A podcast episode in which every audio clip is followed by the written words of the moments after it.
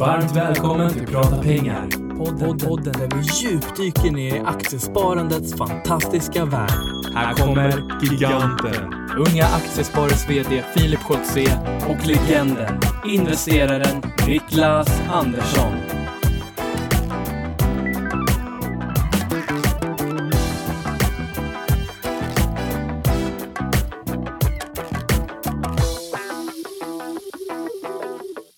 Då säger vi äntligen måndag och varmt välkomna till podden Prata pengar.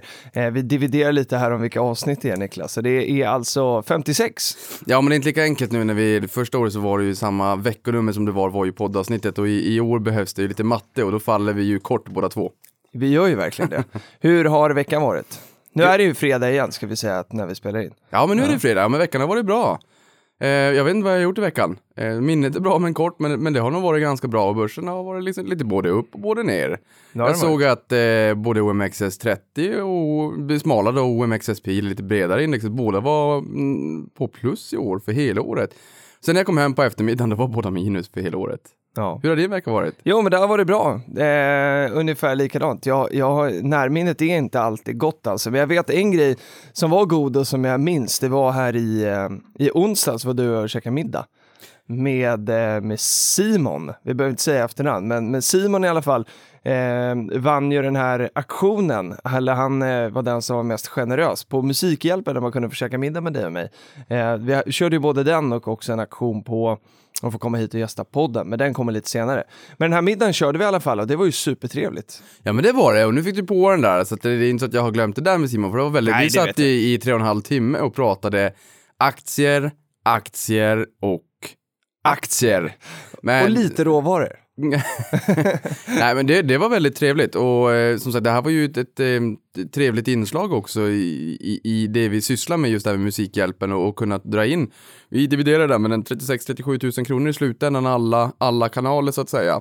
Exakt. Eh, kunde vi väl, eller våra följare, eh, skänka till det här. Ja, och Simon stod då för fem av dem. Ja. Så det var ju riktigt imponerande. Och det var, det var tur att vi hade så mycket aktier att prata om, för vi hade lite otur med maten. Vi fick vänta jäkligt länge på att få käk. Ja, å andra sidan, jag vet inte om man ska se det som en fördel eller en nackdel. Det gick ju, vi fick ju prata ännu längre. Ja, så det fick kanske vi och inte var göra. så negativt satt- i slutändan. Nej, det kanske var så. Men man, liksom, man, man hade liksom, vi sa ju att vi var vrålhungriga när vi kom dit och så tror jag att vi fick vänta ett par timmar kanske. Ja, man säger att en Tesla-bil kan, kan väl köra en 50 mil eller vad det är på en laddning, de här riktigt nyare eller och så. Och vi går ju på någon form av bränsle också, det går inte att prata aktier hur länge som helst innan man känner att man måste börja fylla på energiförrådet.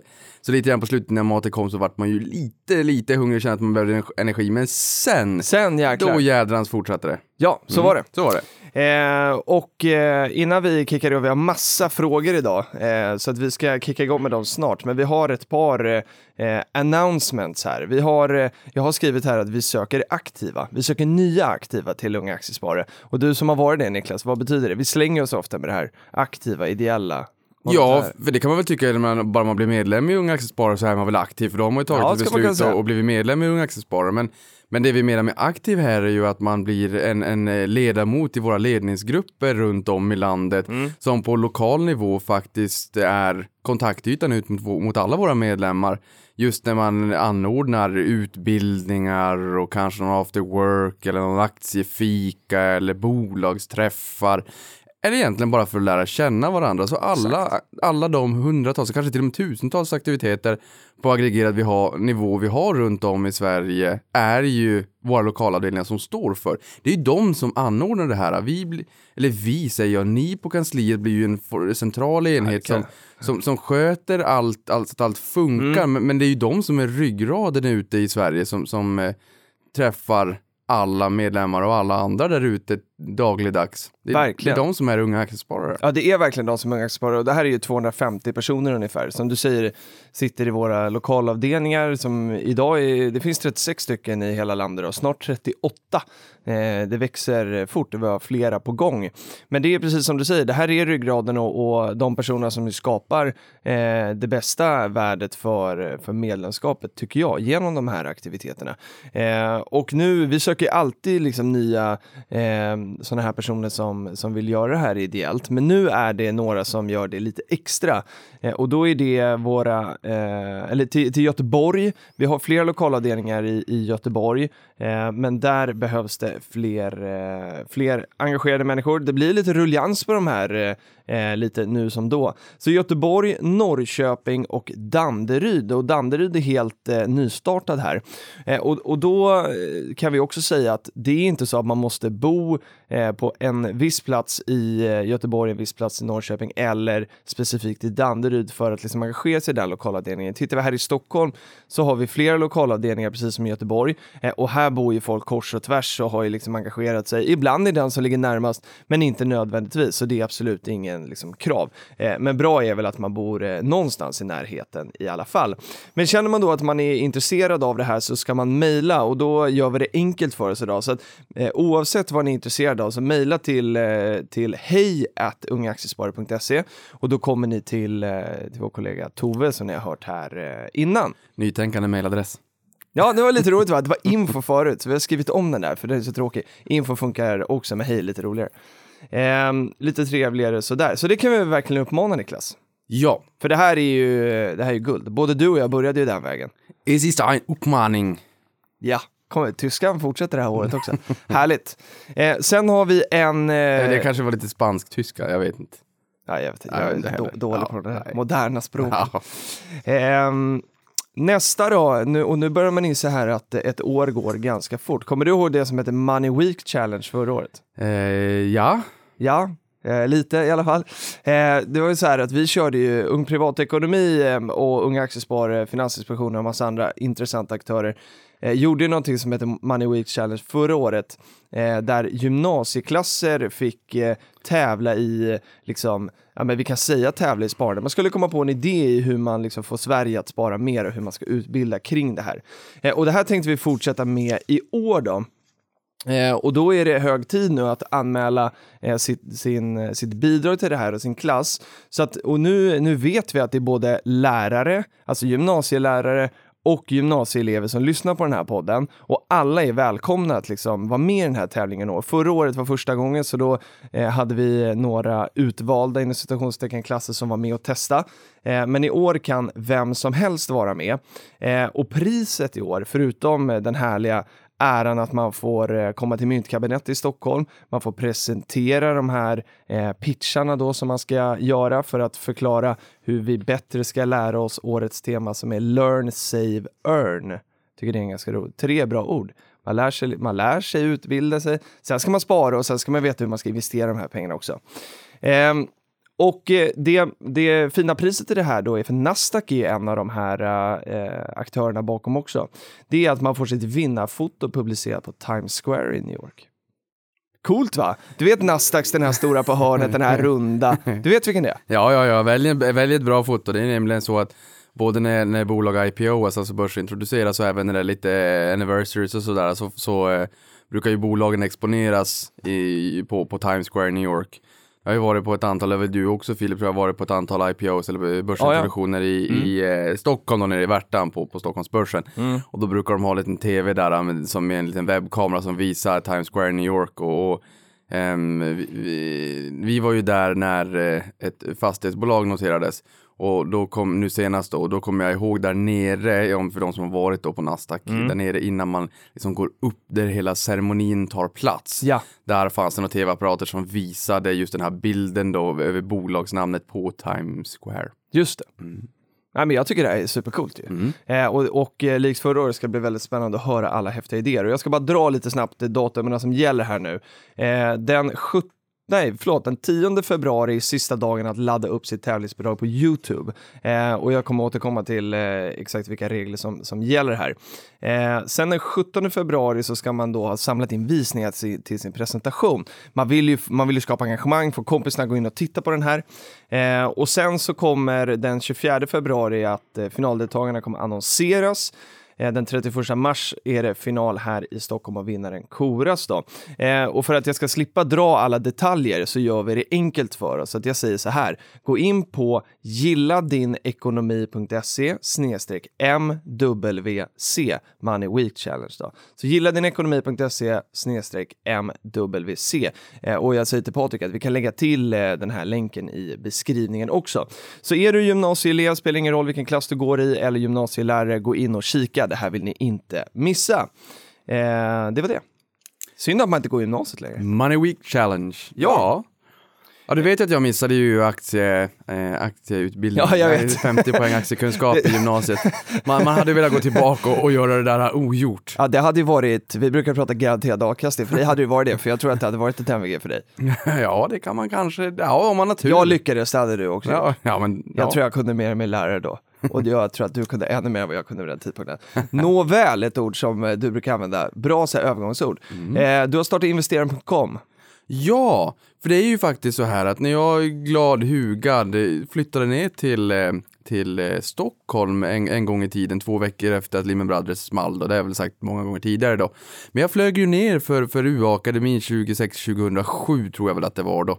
Och kom ihåg den här känslan att jag tyckte det var så oerhört roligt. Det var en, en vårmorgon, kansliet på Rådmansgatan 71 fönsterna, du vet den här solen som går upp när solen börjar komma fram på vårkantens vårmorgnarna. Det är det är fräscht i luften och jag kände liksom att jag kommer ihåg den där känslan för, så starkt förknippat med UA och jag tyckte det var så roligt. Och sen bestämde vi oss för att ta vårt pick och pack och flytta ner då. I samband med att jag flyttade ner till Stockholm under den här perioden så startade jag ju ekonomikunskap.com, Ja. men som är då blogg.ekonomikunskap.com, men den är ju lite intetsägande tycker jag. Lite. Så att nu här i juni förra året så köpte jag investeraren.com och det råkar ju bara bli som, som så att det har väl blivit det varumärket jag har eller vad man då ska säga. Så att nu är det väl roligt med den här sajten också.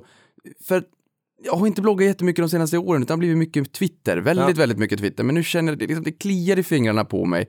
Och som du vet så har jag ju lovat som nyårslöfte just att försöka läsa ännu mera. Spännande. Och även fast man inte ska säga så, men, men det här blir ju en form av dagbok. Det blir ju en form av att jag skriver för att förhoppningsvis kunna lära och inspirera andra, men jag vill ju också kunna skriva för att kunna grotta ner mig själv kring saker och ting och lära mig själv Mm. Ja, precis. Man lär sig själv för att lära andra. Ja, så därav känns det väldigt, känns väldigt kul. Mm. Vad roligt. Mm. Eh, och jag tycker också att det är mycket bättre namn. Ja, och dessutom ska jag också påpeka på att men i dagsläget så det är ingen reklam eller någonting nej. så jag tjänar inga pengar på något. Det är inte det som är syftet, utan snarare liksom att kunna samla all den här informationen som är intressant. Mm. Och där kommer jag skriva lite grann inför varje poddavsnitt också, försöka i alla fall, lite behind the scenes och sånt som vi kanske inte pratade om i, i, i inspelningarna, men lite sådär gott och blandat, kanske någon nyhetssvep om jag missar. Och det roliga är, kommer du ihåg de här bolagsfilmerna som jag pratade om en Ja, gång i tiden? Ja. Det, det arkivet finns också på den, på den här sidan, investeraren.com slash bolagsfilmer. Det. Och den har faktiskt börjat växa. För nu när det är lite roligt, det är lite exponerat på ett roligare sätt, då har jag fortsatt att börja försöka leta filmer till det här arkivet. Mm. Och det är ju, för er som inte känner till det då, ett arkiv med idag är väl ungefär 170 filmer. Oj. Där jag manuellt sitter och letar upp bolag över hela världen på YouTube och att filmen är någonstans mellan 3 och 7 minuter kanske. Mm. Och lägger in dem i den här listan så att man, man får några minuters eh, liten minifilm över bolaget så att man lär känna det här bolaget. Och ni vet, det är ju en sån här film, den får inte vara för lång utan den ska ju Nej, fånga precis. intresset på några minuter och Ja, berätta visst. lite grann om bolaget som gör att man blir lite nyfiken och tittar vidare. Mm. Och är det någon som, som eh, lyssnar på det här som hittar andra filmer som inte finns, där tipsa gärna så lägger vi in och tillsammans Bra. bygger upp det här arkivet. Mm. Ja men det tycker jag, för det där är lite samma värde som man får på våra unga aktiesparare-träffar ju, där man får komma ut och träffa bolag, träffa företrädare och sådär. Precis likadant i de här filmerna, även om de kanske är, producerade av bolaget själv så är det ju, ger det ju ett annat värde än att bara sitta och läsa rapporter. Ja, oh ja, och just den här, nu ska vi inte bli för långrandiga kring det här, Nej. men alltså det jag tänker mig, de som inte har Twitter exempelvis, Ja, de kan se hela mitt Ja. flöde där på hemsidan, eller Prata Pengars flöde, Mm. det också. Och sen eh, har jag gjort lite flikar som inte har någonting där riktigt än, men pilotskolan pilotskolan. Så vi försöker grotta ner oss kring vilka bolag på Stockholmsbörsen som är duktigast när det kommer till pilotskolan så att man stek med i bolaget själv. Sen har vi lite... Stek en del då. Ja, ja, ja en, precis, men en del att man har liksom en, en säg Erik Selin och Balder har vi tagit upp många gånger, äger 40% av bolaget. Det är verkligen pilotskolan skulle man kunna säga. Sen också uh, löneförhöjningen i portföljen. Mm. Då har jag bara grottat ner med gammal redovisning och gjort sådana här grafer för att ta reda på vad har löneförhöjningen varit under många, många år. Så både Investor och, och industrivärlden, där har jag 20 år av historik med den procentuella utvecklingen år för år för år. Det där ska bara fyllas på, det är ett, ett gäng bolag. Och igår så, ehm, så ehm, eh, kom Castellum då med årsbokslutet och la ut lade fram ett förslag om höjd utdelning för 5 kronor från 4 kronor och 25 öre. Och det är 19 året i rad som man höjer utdelningen. Och då tog jag också fram hur mycket den procentuella ökningen har varit från år till år och sånt där. Det är ju intressant kuriosa, sånt ligger där. Exakt. Och eh, jag såg det också om eh, Castellum där det går. Det enda som eh, Castellum, jag gillar ju fastighetsbolag och så här, det enda som jag liksom stör mig lite på med Castellum är ju att pilotskolan saknas helt.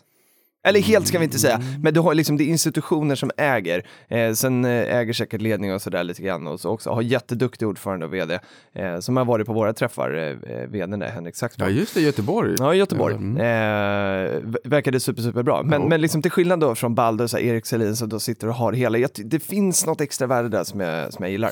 Mm. Men jätte, jättekul och jag har ju sett hur enkelt det är för dig att liksom lägga till sådana här filmer också. Eh, så att eh, det kräver inte så mycket jobb, så det, jag tänker att den där kan fyllas på ganska bra. Ja men vi vill försöka hitta, samla, jag vill försöka hitta samla intressant information som kan inspirera till att man kanske spånar vidare och med egna analyser och hitta nya bolag och sådär. Och framför allt även en inspirationskälla för en själv, en digital dagbok. Finansiell dagbok. Mm. Bra. Eh, så eh, twittra eller vad ni vill under hashtag prata pengar om ni har eh, videos som ni tycker borde hamna där. Ja men definitivt. Och även eh, om det är lite mer sådana här dokumentäraktiga, för då finns det ett som heter Filmarkivet. Då lägger vi in de här Wallenbergs-filmerna och Ivar Kryger och Carly Kahn och Warren Buffett och Peter Lynch. Det finns ett gäng. Tipsa jättegärna om andra filmer ni tycker är inspirerande. En 35, 40, 45 minuter, kanske upp till en timme på YouTube, så lägger vi till dem. Härligt. Så andra kan se dem. Ja, exakt. Jag ska gå in och kolla i helgen här nu. Har man en ledig helg här eh, för första gången i år nästan, så då ska jag gå in och titta lite grann. Ja.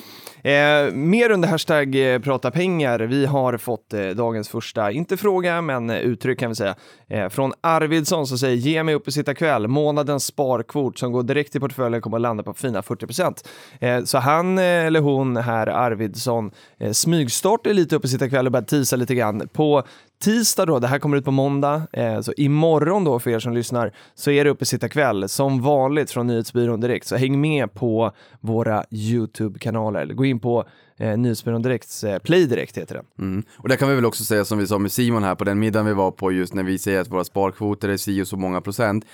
För de som inte har lyssnat på tidigare Ja. avsnitt så kan vi återigen lyfta att ehm, vi, vi, har en, vi har en hög, jag har en sparkvot på 50 procent. Det tenderar ju inte vara så högt när andra säger att de har 70-80. men det, det är ju fortfarande så att vi tycker att det här är roligt. Det är ju vår största passion och hobby här i livet. Så att vi lägger ju pengarna på det här istället för hockey eller ponnyridning eller kanske jättedyra konserter. Du kanske går på konserter, du går på lite hockey har jag sett också. Sådana konstigheter. Så därför ligger vi in typ på halva din ungefär. Då. Ja, alltså ha- hade det, varit, hade det inte varit våran hobby utan mer att man hade offrat de här pengarna för, för att rent bara spara Mm. och lägga dem i spargrisen, då hade det inte alls varit lika roligt. Då hade jag säkert gått ner på 10%. Och 10% är ju den här magiska eh, gyllene snittet. Alltså en fant- det är verkligen ett fantastiskt sparande över tid. Jag säger inte bara så för att vi förväntas säga så, utan sätter man av 10% av inkomsten, det gör en enorm skillnad över tid. Men man måste låta det ta tid. Ja. Därför att det är när tiden får verka som den riktiga ränta på ränta-effekten slår i, slår rot. Härligt. Nästa fråga kommer från Marcus Rosenborg och den här har vi pratat om förut, men jag tänker tiden på året är det bra att ta upp den här igen nu när det är lite nyårslöften och första månaden här med Uppesittarkväll. Eh, han skriver så här, spara regelbundet. Vad innebär detta? Spara regelbundet är en av Unga Aktiesparares fem gyllene regler. Så frågar han då varje månad, varannan månad, varje kvartal och så säger han då, om man har 12 aktier kan man ju köpa väldigt få månadsvis. Så här eh, har ju Marcus alldeles rätt. Och den här, det är lite samma här, att det finns inte så mycket rätt och fel och vad som är regelbundet. Ja, för dig och mig med Uppesittarkväll så är det ganska tydligt att vi kör varje månad såklart. Jag hade en diskussion med en annan person på, eh, på Twitter igår, eller om det var Marcus, osäker, eh, som, eh, som, där vi pratade just om det här och, och där jag väl sa då någonstans att ja, men jag försöker väl fylla på, jag har ju lite fler än 12 aktier, så då blir det en till två aktier kanske varje månad som, som jag fyller på. Eh, så att alla bolag i alla fall ska fyllas på minst en gång om året. Ja, och sen är väl så också i takt med att eh, courtagerna har eh, tryckts ner något ordentligt. Ja. Eh, på, på ja, men främst nätmäklarna Avanza Nordnet. Så, så jag menar, det, det, det kostar inte jättemycket att handla idag. Det har alltså möjliggjort att man kan handla aktier lite oftare också ur, ur ett courtagemässigt perspektiv. Och de som tycker att nu är en krona eller 39 kronor eller vad det då är, är dyrt, kan man väl säga att det kostar flera hundratals kronor när, när eh, jag går tillbaka 30-40 år när det knappt ens var, det, det var lite konstigt att gå in på bankkontoret och, och vilja köpa en aktie. Vi kommer ihåg att Kristina Engelen sa när hon gick in på bankkontoret, det var inte förhållet för kvinnor. Där, Nej, det, skulle inte, herregud. det skulle inte hon syssla fortfarande med. kalla kårar där. Ja, men, och även för män då på den tiden i den kontexten som uppenbarligen var mer lämpade för aktier ur den, den eh, banktjänstemannens, om vi, då, vi utgår ju från att det är en man i det här Ja, det fallet, får man ju. eh, vad de tyckte då, så det var fortfarande väldigt dyrt. Ja. Så att eh, man får sätta allting i relation och kontext, så går det ju faktiskt att handla aktier lite oftare. Och som, som du sa, det finns väl kanske inget rätt eller fel. Jag handlar minst en gång i månaden, men kanske några gånger i månaden beroende på om det dy- dyker upp lägen. Själv har jag då en kreditlina för att alltid kunna ha den Just. flexibiliteten. Just det. Ehm, Och apropå kreditlina, Mm. vet du vad, jag har ju också det lite grann. Så att eh, när, när jag, det här med att jag slaktade med sparkvot och sa att det var ner på 20, eller 18 ungefär. Eh, jag sätter ju in till portföljen och sen eh, köper jag, för en del så köper jag aktier direkt och för en del så amorterar jag faktiskt på, på kreditlinan. Och då tänker jag att då amorteringen på kreditlinan borde ju också räknas till sparkvoten då. Ja, det Eller hur? Ja, så då är jag uppe på 25. så att eh, nu har jag fått liksom göra om den här bokföringen lite grann, så då har jag hoppat upp lite grann. Ja, vi går vidare till Emanuel Lagerberg som eh, tar upp en fråga som ligger Niklas varm om hjärtat. Han säger så här, eh, att eh, prata pengar av eh, ja, den här Avsnitt. avsnitt 35 så säger investeraren då att vi får högre medelålder, kanske dags att ändra åldern från 28 till 30 i unga aktiesparare. Eh, Emanuel är ju ett geni. Alltså jag menar, jag menar, vi har ju prisbasbelopp och in, eh, inkomstbasbelopp med mera som indexeras upp med, med inflationen och allt vad det är. Varför skulle vi inte med en åldrande demografi indexera upp åldern för vad en ung aktiesparare är? Förut så dog vi några år efter 65, nu viker vi gick i pension, nu lever varannan unge till 100. Jag menar, självklart så vill vi ju inte vara en aktiesparare i 71 år, utan vi vill kunna vara unga aktiesparare lite längre. Nej, jag håller helt med. Jag, tycker, jag har faktiskt inte tänkt det på, på det här sättet tidigare. Eh, men jag svarade Manuel att den här frågan ligger på bordet och det är lite två delar. För att det handlar både om att aktiespararna eh, ska vara tillräckligt attraktiva såklart för att eh, man ska kunna gå över dit. Vi hänger ju liksom ihop, vi är ett ungdomsförbund. Men det här är absolut en relevant, eh, ett relevant argument. Sen är det ju så här då att när man jobbar i ett... Vi har Nu väl... kommer disclaimer. Nej, Nej det här är ingen disclaimer alls, utan det här är bara eh, så här för att förklara hur det fungerar. För att jag får den här frågan eh, i princip varje vecka. Eh, så är det ju så att eh, vi är ett förbund medlemsstyrt och då följer vi stadgar. Och för att de här, och vi har årskongress då i april varje år och för att stadgarna ska kunna ändras så måste det komma in ett förslag på stadgeändring senast eh, årsskiftet före då. Eh, och det har inte kommit in någon sån här eh, nu eh, till den här årskongressen. Så tidigast, absolut tidigast så kan det här bli våren 2018. Eh, så vi får eh, se vad som händer då. Ja, och det ligger mig varmt om hjärtat i och med att jag då har en dotter på väg som ska IPOas här och det kan jag ju också, för hon ska ju gå med i Unga Aktiesparare dag noll. Och det kan jag också säga att jag har fått reprimand här via tjejen från barnmorskan att man ska prata med barnet för nu sparkar hon hej vilt Ja, i oj, magen. spännande. Ja, så att man måste prata med barnet sådär, alltså lite på barnspråk sådär. eh, Sparkar den mindre då alltså? Nej, men den, den lär sig rösten och sådär och lär sig Mm. klangen och, och, och så i rösten så den, den kommer känna igen oss när, när, när denna eh, dotter föds. Och då kan jag ju säga så här, du vet ju vilken börsnörd jag är. Och tiden är ju en bristvara i den här världen så att jag drar ett nyhetssvep varje kväll Nej, vad från kul! aktiemarknaden för min lilla ofödda dotter. Så hon ska känna igen min röst när hon föds. Och, Nu också, kommer- nu- och också eh, känna dig väl, för hon vet vad du är intresserad av och tycker Ja, om. så nu har jag väl, nu har jag väl blottat mig själv så att vissa människor kommer att tycka att jag är alldeles knäpp och, och hemsk. Men, men Det skulle jag inte säga. nej, men, men det, det är lite börsnyheter. Vad roligt. Mm. Eh, och eh, någon annan som snackar är Snackar Goja som har skrivit... Eh, Vadå, någon, drog du en parallell där? Han är, den här personen heter Snackargoja på Twitter och det var inget... Snygg övergång. Ja, har skrivit i alla fall det här som pratar pengar. Så här, inom parentes, inte kul att inse att man är den enda i lunchrummet på jobbet som har en budget. Punkt, punkt, punkt. Eh, nej, det är inte kul. Punkt.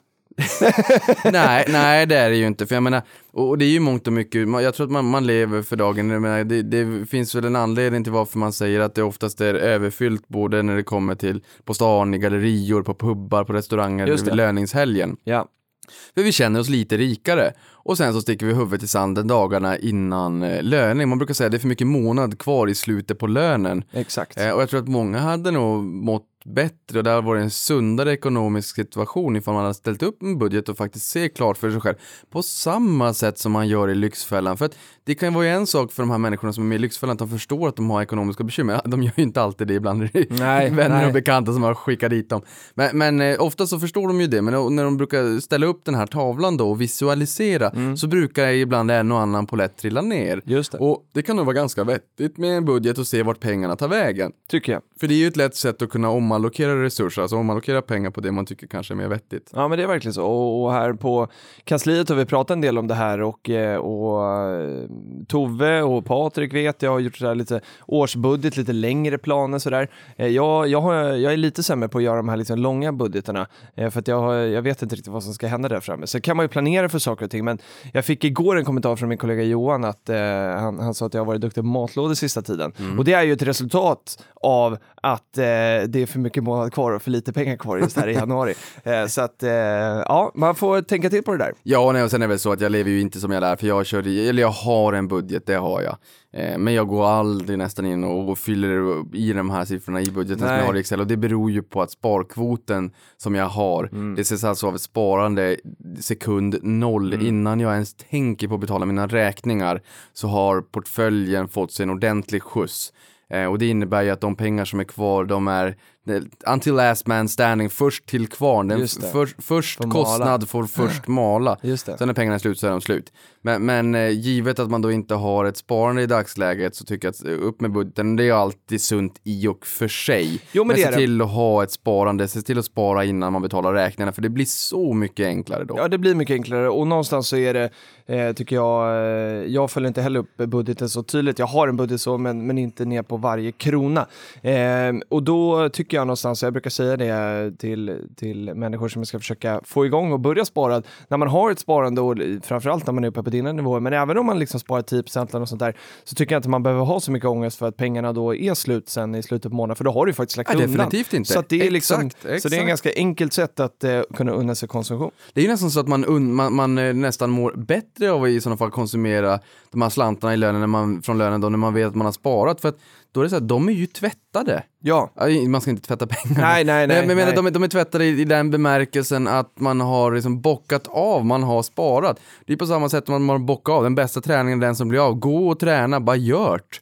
Och sen när man har tränat så känner man sig ganska, ja, ganska nöjd. Exakt. Det kanske inte var en superbra träning, man kanske stod och tittade Twitter och följde börs, eh, börsflödet i 55 av 59 minuter, Ja, men ja. likväl så var man på gymmet. Exakt. Mm.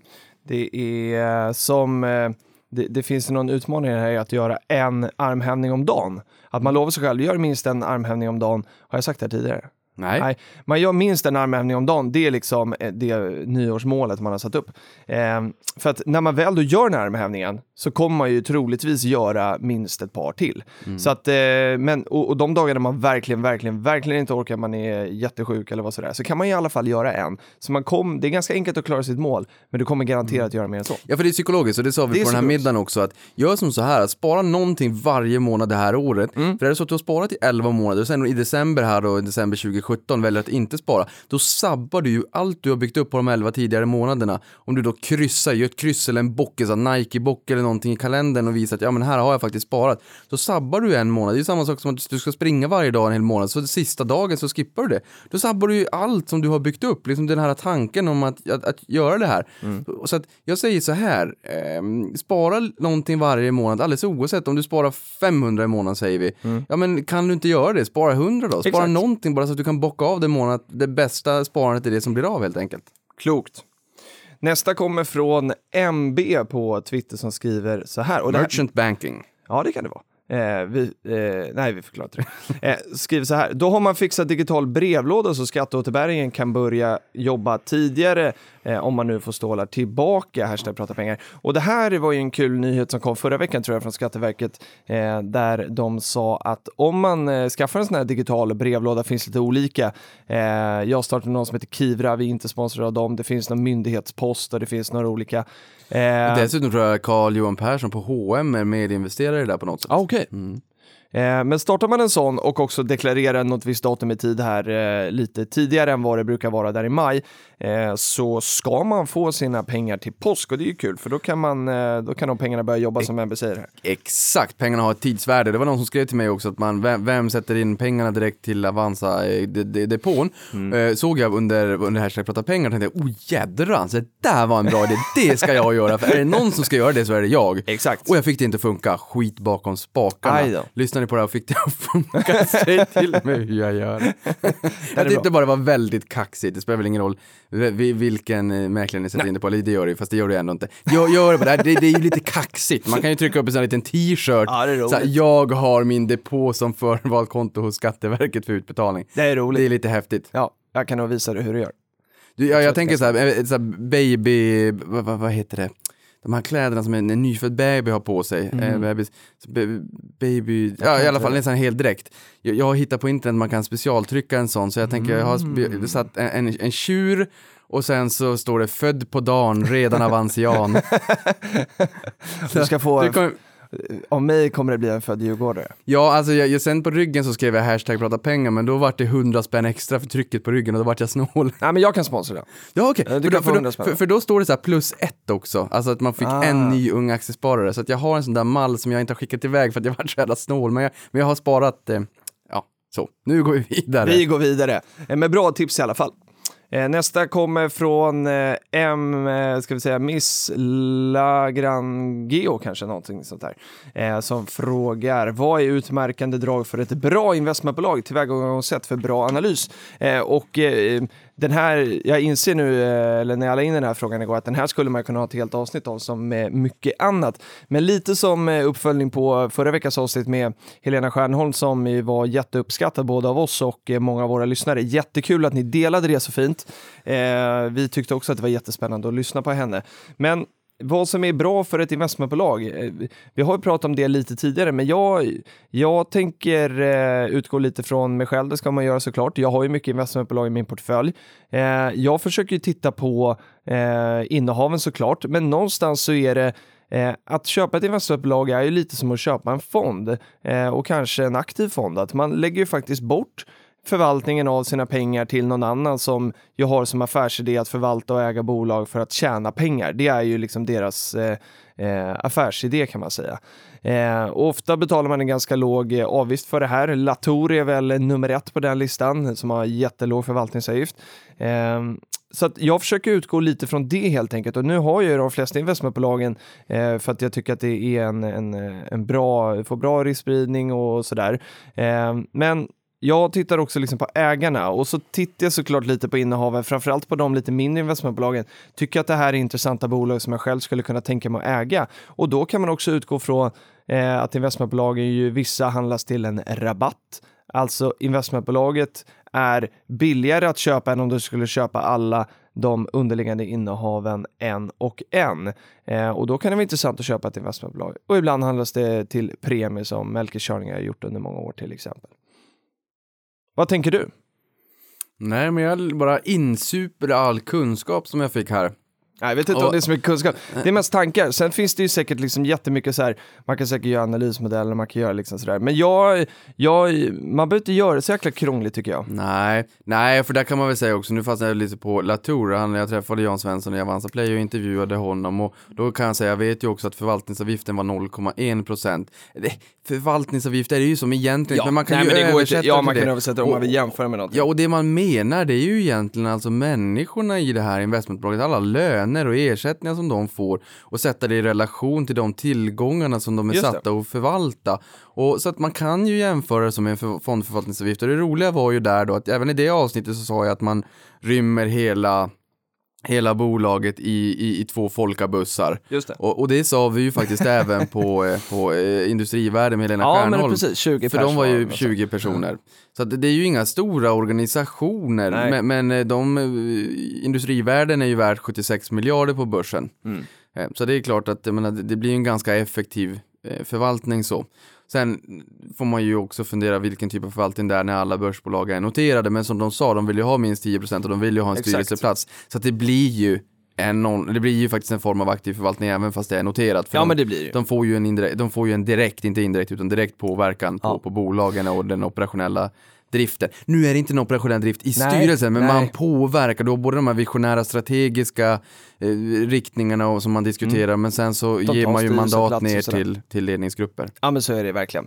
Så att, och sen kan man väl eh, göra, eller som du och jag gör, vi tittar ju mycket på hur det har varit tidigare för att försöka säga om framtiden. Och, och tittar man på, om man nu vill jämföra investmentbolag, så titta hur de har presterat historiskt eh, och, eh, och gå in och titta lite på årsredovisningar kanske för att hitta liksom olika händelser. Vad har de, verkar det som att de köper och säljer bolag ofta eller är de långsiktiga, behåller de länge? Hitta de här nycklarna som du tycker känns viktiga för dig och vad, vad du söker efter. Och också liksom, ja, men vad är det för typ av bolag som du är intresserad av? Vill du ha industri och bank? Ja, men titta då på eh, Investor i industrivärden kanske. Eh, och så sådär, Hitt, vill man ha någonting annat så titt- tittar man på någon annan. För det har vi gjort tidigare när, när- vi har liksom pratat om lite grann om de in- investmentbolagen som finns. Och vi hade en, en utvikning om en tio bolag eller någonting. Men om vi lite snabbt bara med så här en mening om varje bolag. Mm. Bara så att man får, för de som inte riktigt Mm. känner till investmentbolag och är, Mm. är riktigt hemma, många av våra lyssnare är säkert det, men, men inte alla. Mm. I industrivärlden, då sa vi att där var det ju noterade bolag i princip Ja. allihopa, eller allihopa var det. Det var lite konjunkturkänsligt, men, men inte bara. Så vi hade ju eh, SCA och Volvo och. Sandvik och Handelsbanken Mm. var 26 procent av Yes. portföljen. SCA, alltså Sveriges näst största- skogsägare Mm. tillsammans med Handelsbanken är halva halva portföljen. portföljen där. Ja. Eh, och vi sen- lär oss Ja, och sen så gick de in i ICA också, så det blir lite, lite så. lite sådär. Men vidare Investor då? Det var en Wallen. mening Per. Ja, förlåt. Va, Mm. eh, exakt, Wallenbergarnas, Ja, Och- mycket SEB, Atlas Copco. Så där... Sobi och, och sen har de ju EQT och Mm. Ericsson Patricia. Industries, Ericsson, de har onoterat Mölnlycke Healthcare, Mm. Permobil, så där får man ju en liten onoterad portfölj också. Det. Och det Eh. får man också i Latour. Mm. Eh, som, där, där det största innehavet är ju noterat med Assa Abloy, men sen är det väldigt mycket onoterat. Exakt, de har ett 70-tal rörelsedrivande onoterade bolag. Så att man får en rätt stor onoterad del där. Sen har vi ju online i Kinnevik där Yes. Zalando har seglat upp och blivit den störst, det största innehavet. Sen har vi MTG där i också som satsar ganska mycket på spel. Ja, e-sport och Eh, det- e-sport, mm. MTG, de har köpt eh, Premier League, motsvarande Premier League inom e-sportens värld. Eh, Playtjänster, vill, ryktas vilja sälja TV3 och Kanal 5 och allt vad det där är och mer gå in på Mm. online. Inte. Eh, nej, nej, men det, det är precis. Nej. Så Mm. Tele2 och Millicom eh, är Tele2. ju, var ju länge de två stora innehaven i Kinnevik. Just det. Det Två operatörer och Millicom är operatörer liksom i, i, i, vad ska man säga, tillväxtmarknader, Ja, ska man väl kunna säga. något sånt. Vad har, vi, vi har ju faktiskt lite fler. Ja, det finns lite fler. Men och, inte ens en mening utan en halv mening om de andra då. Mm. Eh, Öresund, Öresund, Creades, Altor, eh, Altor, vi har eh, Traction, vi har eh, Havsfrun, Svolder. Havs, precis. Då har vi Creades, Hagströmer och sen Ja. har vi Öresund, Kviberg. Kviberg. Och sen Svolder är väl också lite Kviberg, eh, Traction, vad heter de? Eh, någonting på S heter de, familjen där, jag kommer inte ihåg. Eh, Ja, det ska jag säga Kinnevik Stenbeck-sfären då. Ja, det är det ju sådär. Ja. In och kika. Det finns många. Ja, och här kan vi tipsa om eh, en sida som heter ibindex.någonting. Googla på det så hittar ni Mm, det, för där kan ni få en lista på alla investmentbolag och se lite vad de har för rabatter och sådär. Mm. Ja, och meningen med med det här utslitningen bara för, eh, det, det är bara att få en känsla för att det är också lite Det olika inriktning på investmentbolagen. Ja, men det är det verkligen. Så Mm. gå in och titta. Eh, nästa fråga kommer från Dejan Tepik som eh, undrar så här, när brukar bolagen informera om kommande utdelningar? Eh, och det här är bra timing. Mm. Det är ju i årsrapporterna som, som man talar om eh, vilket förslag man ska lägga till stämman eh, om hur mycket pengar som ska delas ut. Men det beslutas ju faktiskt inte förrän på stämman av aktieägarna. Men förslaget kommer i samband med årsrapporten. Sissi, ja ja, årsboksluten börjar trilla in och De nu... börjar trilla in. Mm, mm. Jag tror, ja, om jag går in och tittar på mina så, så Två är det... kom igår. Ja, två kom igår, Avanza bland annat. Castellum. Eh, Castellum också. Eh, men februari är väldigt intensivt också Mm. och sen lite in på mars. Eh, så att det, det rullar in just nu. Ja, och sen är det ju efter det, då, när årsboksluten har kommit, så börjar ju eh, stämmorna också. Men, men, men, men det såg jag faktiskt Castellum. De väljer nu att dela ut två gånger om året. Det är flera bolag som såg har det. gjort det. Castellum, Jag Telia, gillar det. Atlas, ja det jag är bra. gillar det. Mm. Alltså för att det, någonstans, det är kul när det trillar in lite pengar lite Mm, oftare. Eh, för nu kommer det lite i bulk och jag tänker så här, om jag får en bulle nu och jag får också en bulle imorgon så kanske jag inte uppskattar den. Eller jag vill säga jag får en bulle nu när vi poddar och en bulle om en stund när vi ska fota. Så kommer inte den vara eh, lika god. Men får jag en idag och en imorgon så kanske jag är lite gladare. Ja, poängen är, jag tycker det är ganska trevligt att man delar upp det. Även om det kanske är rationellt att få allt så tidigt som möjligt så att man kan förränta de här pengarna. Men ja, bolaget har ju då kvar pengarna och kan förränta dem. Så att ja, det är väl eh, Ja, men det är vilket som. trevligt. Och jag menar, det är ju sådana här tider, det är otroligt roligt också att se utdelningstillväxten gentemot föregående år. Det är, det är trevligt. Nu är det så här, jag fokuserar inte uteslutande på utdelning i min portfölj, det gör jag inte. Det får vi gå in på ett annat avsnitt, det har vi gått in på tidigare Ja. också. Och vi har lovat ett riktigt matigt Kommer. utdelningsavsnitt och det kommer. Ja. Eh, men, men det man kan säga, jag fokuserar på totalavkastning, kurstillväxt plus utdelning, men det är ändå lite roligt med utdelning och det är kul att se hur utdelningen stiger över tid. Mm. Och som sagt, då Castellum höjde utdelningen. Förslaget om, ligger för årsstämman att besluta om då sju- 17,6 procent i utdelningstillväxt i Ja. år gentemot förra året. Exakt. Eh, hoppas du är nöjd med det svaret Dejan, hoppas du får eh, lite goda utdelningar. Eh, dagens sista fråga under hashtag prata pengar kommer från eh, Josef Price som säger varför gör ni inte längre avsnitt? Ni har ju bevisligen alltid mer att säga. Eh, och det, det, det här, eh, Ja. ja. det är helt rätt. Men det är, ja nej men så är det. Eh, tid och sådär blir är Filip svårt i balans. nu? Nej men jag vet inte vad jag ska säga, vi har alltid mer att säga. Ja. Och eh, vi skulle kunna podda mm, två timmar nästan varje gång tror jag. Eh, vi skulle skicka ut en liten poll tror jag på hur länge eh, våra lyssnare vill att vi skulle ha avsnitten. Ska vi se Ja. till att göra det nu då? Efter det här. Ja, eller så här snarare, vi, istället för att vi ska skicka ut pollen, det kan vi också göra, men Mm. vi, vi, man skulle ju kunna om man vill bara skriva under hashtag prata pengar, vad, hur länge man tycker att det ska vara. För det är ju så här att, vi, jag menar vi skulle kunna, vi kan definitivt podda i sex timmar utan tvekan. Ja, ja. Vi, det, det hur enkelt som helst. Inga problem. Vi, vi, podd, vi kör uppe sitta kväll livesändning, vi går inte ens och pudrar näsan två timmar i sträck och det är så, vi har fortfarande mer att säga. Jag tycker alltid att tiden går så fort när vi säger att vi måste börja runda av. Men det är ju just för att våra lyssnare inte ska somna heller. Nej. Ehm, Och det kanske, jag vet inte, nej sådär, dels är det det, men sen är det också när vi har gäster, och det här har också kommit upp eh, lite grann, så är det så att gästerna eh, har ju annat att göra också, eh, och vi eh, är ju måna om deras tid och är väldigt glada för att de kommer hit. Eh, så att vi har ju alltid stämt av innan liksom, när de kommer och när de måste gå och sådär, så att vi försöker maximera tiden ut i, och in i det sista, och framför, framförallt du Niklas, och jag bromsar så blir det en bra balans. Eh, så att, eh, så någonstans där, men idag har jag sagt att, eller vi har sagt att vi ska sluta på de tre minuter, men det blir det inte. det kommer det inte bli. För att dels så, jag sa det här, jag var lite cranky här på morgonen, jag var lite morgontrött och sådär. Eh, men nu när, när jag får podda med Niklas och Patrik sitter bredvid så mår, mår man bra, man är trygg, det är kul. Eh, så att eh, jag ber om ursäkt för att jag var lite cranky i morse och sa att så här, idag ska jag vara stenhård med tiden. För, för nu tänker jag dra lite på det här i alla fall. Eh, Ingen regel utan undantag. Nej men exakt, även, eh, även jag eh, bättrar mig ibland. Eh, så att, för vi har fått ett mejl från Lisa som jag tycker är viktigt att vi tar upp. Hon säger så här, hej prata pengar, hej Lisa. Tack för att ni har öppnat mina ögon för aktiesparande. Tack vare, och det här är, det här är jätteintressant nu, tack vare mitt nyfunna intresse har jag tjänat så pass bra att jag har gått ner i tjänst till 80 procent. Oj. Häftigt va? Ja, det var ju häftigt. Supercoolt! Eh, och Lisa får gärna höra av sig eh, mer och, eh, eh, och förklara det här lite ännu mer och kanske berätta hur hon har liksom, agerat och hur hon har gjort för att liksom, eh, kunna få ihop så mycket pengar. Superroligt ju! Hon säger att det känns så underbart, det förstår jag. Eh, och så säger hon då att hon även startat en Facebookgrupp eh, för de som eh, gillar att fika och prata aktier och de sågs eh, i början på januari. Jättespännande! Men hon har en fråga här nu eh, och jätteroligt med sådana aktiviteter. Eh, om du är i Unga Aktiesparare-ålder så gör gärna det inom ramen för Unga Aktiesparare så, så kan fler komma på fikat. Hon säger i alla fall så här att hon har 50 000 kronor kvar på sitt CSN-lån, alltså studielån då, och så frågar hon borde jag betala av detta eller satsa mina pengar på aktier och fonder?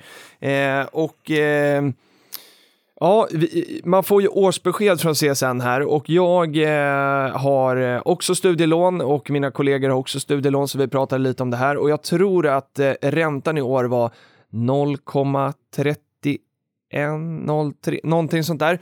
Eh, ganska låg i alla fall. Och, eh, eh och då resonerar jag så här att eh, jag amorterar så mycket som jag behöver amortera på det här, men resten låter jag faktiskt gå in i portföljen för att jag, jag hoppas att jag ska kunna få en bättre avkastning än den räntan jag betalar på mitt CSN-lån. Eh, över tid så kommer jag absolut amortera av mitt CSN-lån, det måste man ju göra. Eh, men, men jag tänker inte amortera mer än jag faktiskt måste just nu för att eh, jag, jag, tror att jag får eh, kan tjäna mer pengar på annat håll. Så så resonerar jag. Ja, och det är ju just det med att vara strängkalkylerande, nyttomaximerande. Om vi då inte utgår från att, vi har ju även pratat om, om investerat CSN-bidraget och allt vad det då är, eller CSN-lånet. Och eh, utan att lägga någon värdering i det om det är okej okay eller inte och i och med att staten är ett incitament för att, man ska studera, för att man ska studera vidare. Å andra sidan staten får igen det också för att det finns ett incitament för dem att ge ett bidrag Jo, så klart. att du utbildar dig och kan tjäna en högre lön och, Ja, och det blir absolut. mera skatteintäkter och sådär. Absolut. Men bortsett från det så tycker jag i det här, som den här frågan då är ifall man då ska amortera av det där eller investera i annorstädes. Rent strängt kalkylerande nyttomaximerande ska man definitivt inte amortera av det. Det är mer än det man behöver. Nej. Just för att räntan är så pass låg och att man då förhoppningsvis kan få så pass hög eh, avkastning på pengarna annorstädes. Om vi är defensiva kan man säga 5 till 7 procent som är populärt att säga årligen. Och är vi väldigt offensiva kan vi säga 10 till 15 om man ska vara riktigt duktig. Då ser vi alltså totalavkastning, kurstillväxt plus utdelning. Men, och det är, inte, det är mer än vad börsen i snitt har avkastat men det är inte omöjligt heller. Ehm, och, och om vi säger så här, vi tar 10 procent som ett exempel, eller ja vi tar 10. Det är en enorm skillnad på 0,3 som du sa. Nu kommer den säkert gå upp också i och med att det allmänna ränteklimatet någon gång bör eh, normalisera sig. Men mellan det och 10, det är en enorm skillnad. Jo, men under, det under den perioden som man har det här studielånet så det, det, det, är som, det är som natt och dag. Du vet 3 procentenheter extra på kapitalet fördubblar pengar vart 27 år. Det här är inte 3 procentenheter extra, gångra det med 3. Det är minst 9 procentenheter extra. Just det. Och, eh, och så tänker jag lite så här att eh, sen är det ju ändå viktigt att man har den här liksom balansen, man känner att det liksom känns bra i magen som jag sa här innan. Jag amorterar också på den skuld jag har till min portfölj, även om jag, där betalar jag 0,99 eh, i ränta och jag tror att jag får mer på aktierna så att det rationellt hade då varit att, att kanske eh, bara lägga in liksom och köpa nya aktier. Men jag tycker någonstans att eh, eh, det är skönt att liksom fylla på i alla depåer och liksom långsiktigt jobba ner skulderna också. Så det gäller att hitta den balansen som känns, känns bra för en Ja, själv. ja, och sen ska man ju ta den krediten som man har som tingar högst ränta. Sen, Självklart, sen är det klart att man kan ju självklart. det är mentalt bokföra på olika sätt och det ska jag ha respekt för att det är olika pengar. Det är pengar Ja, men det, och det är det det är för mig. Va? För att där är liksom portföljen, ja det, det är en lägre ränta än vad jag har på mitt eh, bolån till exempel. Eh, men men jag, jag tycker ändå att i, i och med att man, jag hå, försöker hålla portföljer liksom så långt ifrån liksom hushållsekonomin som möjligt så är det ganska skönt att liksom sära på dem där någonstans. Ja, och det har vi ju sagt tidigare också, just det där med att det är, jag tycker att portföljen är kapital och det rör jag inte och återinvesterar och tar inte ut och hit och dit. Nej. Och eh, pengarna i hushållet, det är pengar, det, det, Ja. det är riktiga pengar för konsumtion och kostnader och allt vad det kan Yes. tänkas vara. Och därför är det ju roligt att både ha en buffert Mm. om för oförutsedda kostnader för att inte ta från portföljen, för det kan bli en helsikes dyr affär över tid om man har en långsiktig horisont. Så att just att ha lite buffert på, på kontot och sådär, och har man krediter, säg ett kreditkort, alltså det är inga konstigheter att kreditkort ligger uppe på, på ehm, eh, 10, 11, 12 procent. Jag vet när jag flyttade ner till Stockholm så var vi tvungna att köpa möbler över dagen och sen så tyvärr hivade de lite grann för att vi hade möbler i bordet som skulle ner till Stockholm men, men vi var ju tvungna att ha möbler liksom på dagen när jag och, och, och Jenny flyttade ner till Stockholm. På den tiden så var räntan 20%, nej nej förlåt, förlåt, förlåt, 30% på I- IKEA-kortet. Ah, på Jag Ikea, tog ett sånt där. IKEA-kort och sen så betalade jag tillbaka det. Okej. Eh, Klarna, jag, tro, jag trodde du tog i när du sa 20, jag tänkte bara nu är han ute och cyklar. Men det är nej, inte orimligt. Nej, för 30 jag, alltså. jag, jag tittade på det i efterhand för något år sedan, då var det nere på 18, men jag tror All även right. Klarna, nu, nu tar mig inte på orden, men jag tror att om du tar betalning Ja, du behöver inte säga Klarna, vi säger något kort då. Ja, det, det är ju synd med, med att placera bolag i dåliga dagar, men, men samtidigt så visar det att en löns, det är ju en lönsamhet i bolagen. Jag tror de ligger på nästan 30% om du Okej. betalar i årstakt. Ta mig inte på orden, kolla upp det liksom om, Ja. för att vara exakt, men, men det är många bolag Och som... det är nog inte unikt för Klarna utan det är, Det är defini- generellt. Det är definitivt inte unikt för Klarna, det är generellt, det är skyhöga eh, räntenivåer. Däremot Klarna gör ju livet enklare för väldigt många och det där kan vi gå in smidiga psykologi på något sätt också, hur enkelt det är att köpa någonting när du bara trycker på knappen beställ och får en faktura och betala om två veckor. Ja, det är också det, det gör Jo. att man tenderar att beställa mycket enklare, för det Absolut. är jäkligt smidigt. Så är det. Eh, och Lisa skriver faktiskt här i slutet på mejlet att eh, eh, det, det är det här liksom, hon hade kanske det här svaret men ville höra vårt resonemang så vi hoppas att Lisa var nöjd med det. Nu Niklas är det dags för någonting som, eh, som många har eh, saknat för vi har inte gjort det på ett par avsnitt och det är ditt nyhetssvep och det är fullmatat idag. Mm. Men då tycker jag också att Gustavs fråga här bordlägger vi till nästa gång så att vi inte glömmer Ja men, bort ja, Gustav. men självklart, ja men självklart, det är man bara flyttar, Jo. flyttar fram det. Precis. Men då kan man säga så här att Axfood förvärvar gränshandeln Eurocash och ingår i avtal med Norgesgruppen. Så först förvärvar de Eurocash, ett bolag som har gränshandel nära Norge. Eh, och alltså det är som en vanlig kedja, Gross, Ja. Citygross eller i Coop eller Ica eller Willys eller vad du än kan tänka sig. Det är, väl- det en butikskedja helt enkelt. Och när man då har köpt det här då, då ska man sälja en del av det till Norgesgruppen så att man, man förtajtar eh, relationen med, med den gruppen i Norge. Ja. Och de tog ju också då vdn här för ett tag sedan från Clas Ohlson så han är väl, tror jag, borde väl ha börjat komma in där och går vid sidan av, av, av eh, Strålman, Strålfors, Strålman heter han väl? Gamla vdn på Axfood. Eh, som vi sagt tidigare, Castellum höjer Mm. utdelningen för 19 året i rad med 17,6 procent och utdelningstillväxten har varit 11,83 procent per år. Ja. Och det gjorde ett litet överslag där att hade man 1000 kronor i utdelning 97 och börjat takta lite tillväxt från 98 och framåt så är utdelningen på 1000 kronor numera 8337 kronor i årlig utdelning. Härligt. Eh, sen har, kan vi säga som så här att två hackers, eller två hackare, har gripits i Italien efter att ha hackat närmare 20 000 mailkonton inom bank och finans. Däribland ECBs-chef Mario Draghi. Så man kan säga att cybersäkerhet är ett tema, punkt, punkt, punkt. Och sen vet jag att vi har diskuterat det här tidigare, vilken enorm ehm, megatrend det här är. Eh, och då finns det ett bolag som heter Combitech som ingår i Saab-koncernen Just det. som har sagt att de Var det gärna... de som skrev till oss på Ja, Twitter? som sa att de ville gästa podden, för det var någon som taggade in de Mm. här förra gången och sa, men det där är ju inte noterat. Nej, sa men det ingår i Saab-koncernen. Och då blir det ju indirekt noterat.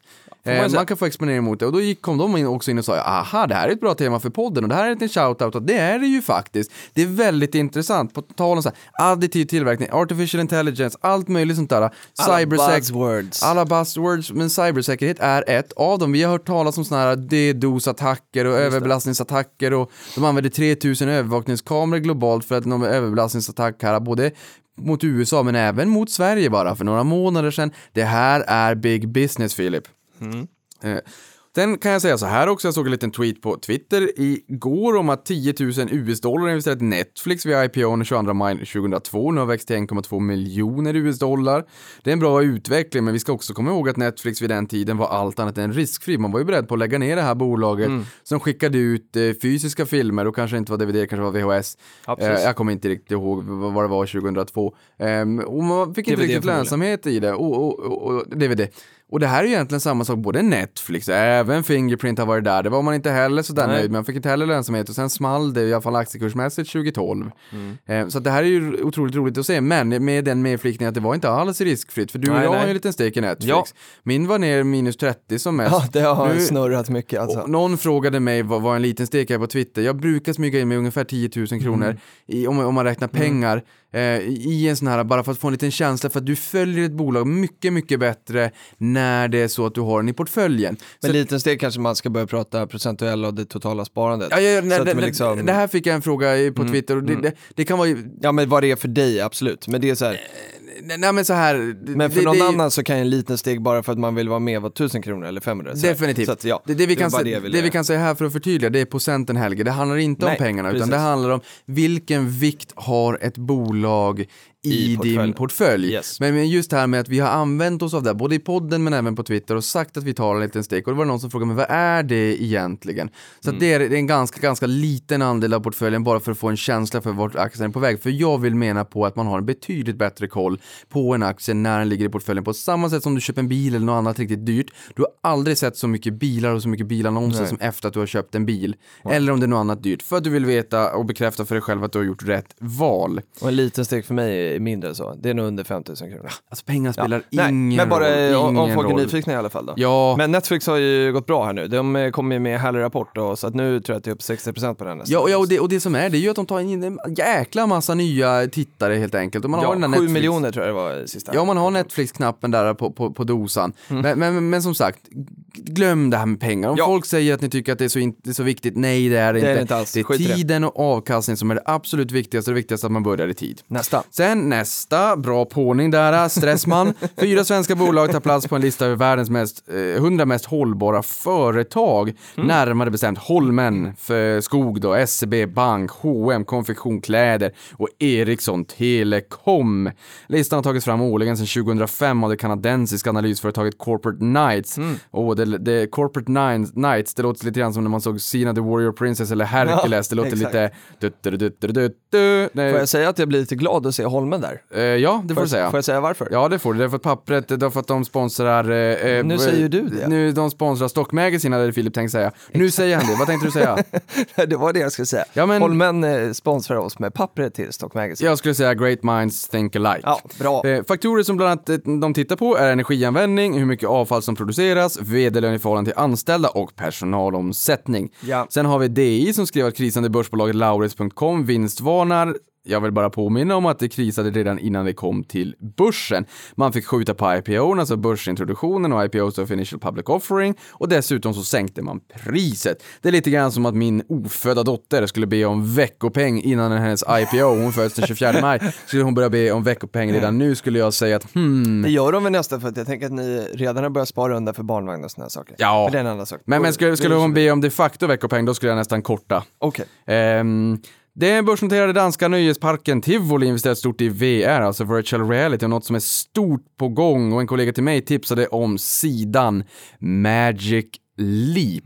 Där vill jag att alla går in och tittar på den sidan. Tivoli är väldigt Där, kul. Ja, och nu då inte Tiv- Tivoli och, Tivoli och Magic Leap är två olika, för Tivoli de satsar på VR, Okej. Magic Leap är någonting annat och jag vet inte om man kan få en exponering mot det här bolaget, jag tror inte det, men det verkar som att, att Google har en stek med i det hela. Gå in, googla på Magic mellanslag Leap och kolla där, jäkligt häftigt måste jag säga.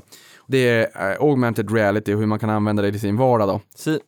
En nyupptäckt mal med konstig hu, hu, hu, huvudbonad döps efter Donald Trump. Jag sa på Twitter att ibland får man unna sig att skriva någonting annat än om just finans och det här Ja. var ett sånt tillfälle. Jag säger hej till Neopalpa Donald Trumpi. Jätteroligt. Eh, så vill ni se hur den ser ut så googla på Neopalpa Donald Trumpi. Jag vet inte om jag hade velat få en mal eh, na, eh, namn, nämnd, eh, d- d- d- Mm. Ja. döpt efter Ja. mig. Namngiven. Eh, namngiven. Sen såg jag också att 26,8 miljoner människor använder Novo Nordisk produkter. De har haft det lite jobbigt i USA eh, med Mm. prispress, men marknaden spås uppgå till 642 miljoner människor 2040. Och det verkar som att diabetes typ 2 är, är desto viktigare för dem än typ 1. 26,8 miljoner kontra 642 miljoner. Man förstår att marknaden är rätt stor. Ja. Finwire meddelar att 200 dagars glidande medelvärde pekar upp för 42,46 börsen. Ni hör att jag börjar prata lite snabbare, det är för att jag tror att Filip tycker att vi snart börjar passera Go. Nvidia var raketen i S&P 500 i fjol med en uppgång på 223%. nu väntas bolaget turnaround lite grann när det kommer till, till inriktning. Man har gjort grafikkort, jag tror många känner igen Nvidia för grafikkort. Det är alltså att man tar ett grafikkort, den renderar en bild, sen spottar den ut en bild när du sitter och spelar Half-Life eller Counter-Strike eller World of Warcraft eller någonting annat, Red alert kanske. Och nu tänker den så att man istället ska ta bilder inifrån, utifrån och in. Okej. Kanske den bilden som en bil ser för ett autonomt fordon. Man tar in en bild för hur, eh, hur trafiksituationen ser ut Ja. och sen så kommer Nvidia som är Artificial Intelligence att, att ehm, analysera bilden och vad den ser. Vart är en fotgängare? Vart är en älg? Vart är en bil? När ska det bromsas? Den slår in lite grann på den, den, den eh, trenden som är nu. Spännande. Var lite försiktig, den gick upp jättemycket i fjol, dollarn är fortfarande stark, men det här var bara en ganska intressant reflektion över en omsvängning i bolaget. Zalando öppnar bolag i Sverige och ska sänka leveranstiden från 3 till 5 dagar till 1 till 2 dagar någonting. Öppna lager står det. Vad sa jag då? Bolag. Nej. Ta, sänk, sänk hastigheten. Lagerbolag. Ja. Nej, eh, och skapa ett antal, ett hundratal arbetstillfällen. Och det här är lite intressant för att jag kan tycka att H&M är ett fantastiskt bolag, men man, ibland blir man ju lite rädd för när online har gått lite tungt för dem, om det är så här storbank kontra nätmäklare, SAS innan avreglering 78 kontra nya konkurrenter idag. Mm. Det här med online är inte så himla enkelt. Nej. Men, men jag tror att de kommer lyckas, men, men eh, Zalando har växt på som tusan. Jag tror de växte 26-27% i Q4. Ja, det är det som är härligt med riskspridning då, att då kan man äga H&M som är duktiga på butik och så har man Kinnevik med Zalando så får man eh, den här online. Ja, Annika Falkengren Kommer- lämnar över stafettpinnen efter 11 år på posten som vd för SCB och 30 år i bolaget. Hon går vidare. Eh, härligt, tack för idag Niklas. Eh, och vi är inte riktigt eh, färdiga med varandra här. Vi ska ju som sagt ta nya bilder här idag. Eh, du ser riktigt stilig ut. Ja, du är ofta detsamma. stilig, men du är liksom tre lagers idag med ja, men jättebra, snygg vikt eh, näsduk och sådär. Eh, ja, det blir spännande. Ni kommer få se dem snart. Om, ni, Eh, om ni undrar vad jag har gjort så kan ni googla på termen window dressing i Nej, finansiella sammanhang. Nej då, du är så fin. Sen är det så att nästa vecka så gästar Alexander Gustafsson oss som ju är vår utbildare för UA-akademin. Eh, och så då ska vi prata en hel del om det, blir lite utbildning. Eh, så att eh, inför det avsnittet får ni jättegärna skicka in frågor till oss som, som är ja, som ni tror skulle passa Alexander. Han är ju en, en stjärna på att utbilda, har gjort det under många år för oss. Så skicka in det under hashtag prata pengar eller mejla pratapengar at ungaaktiesparare.se så hörs vi igen nästa vecka. Ha det gott! Hej. Adios amigos.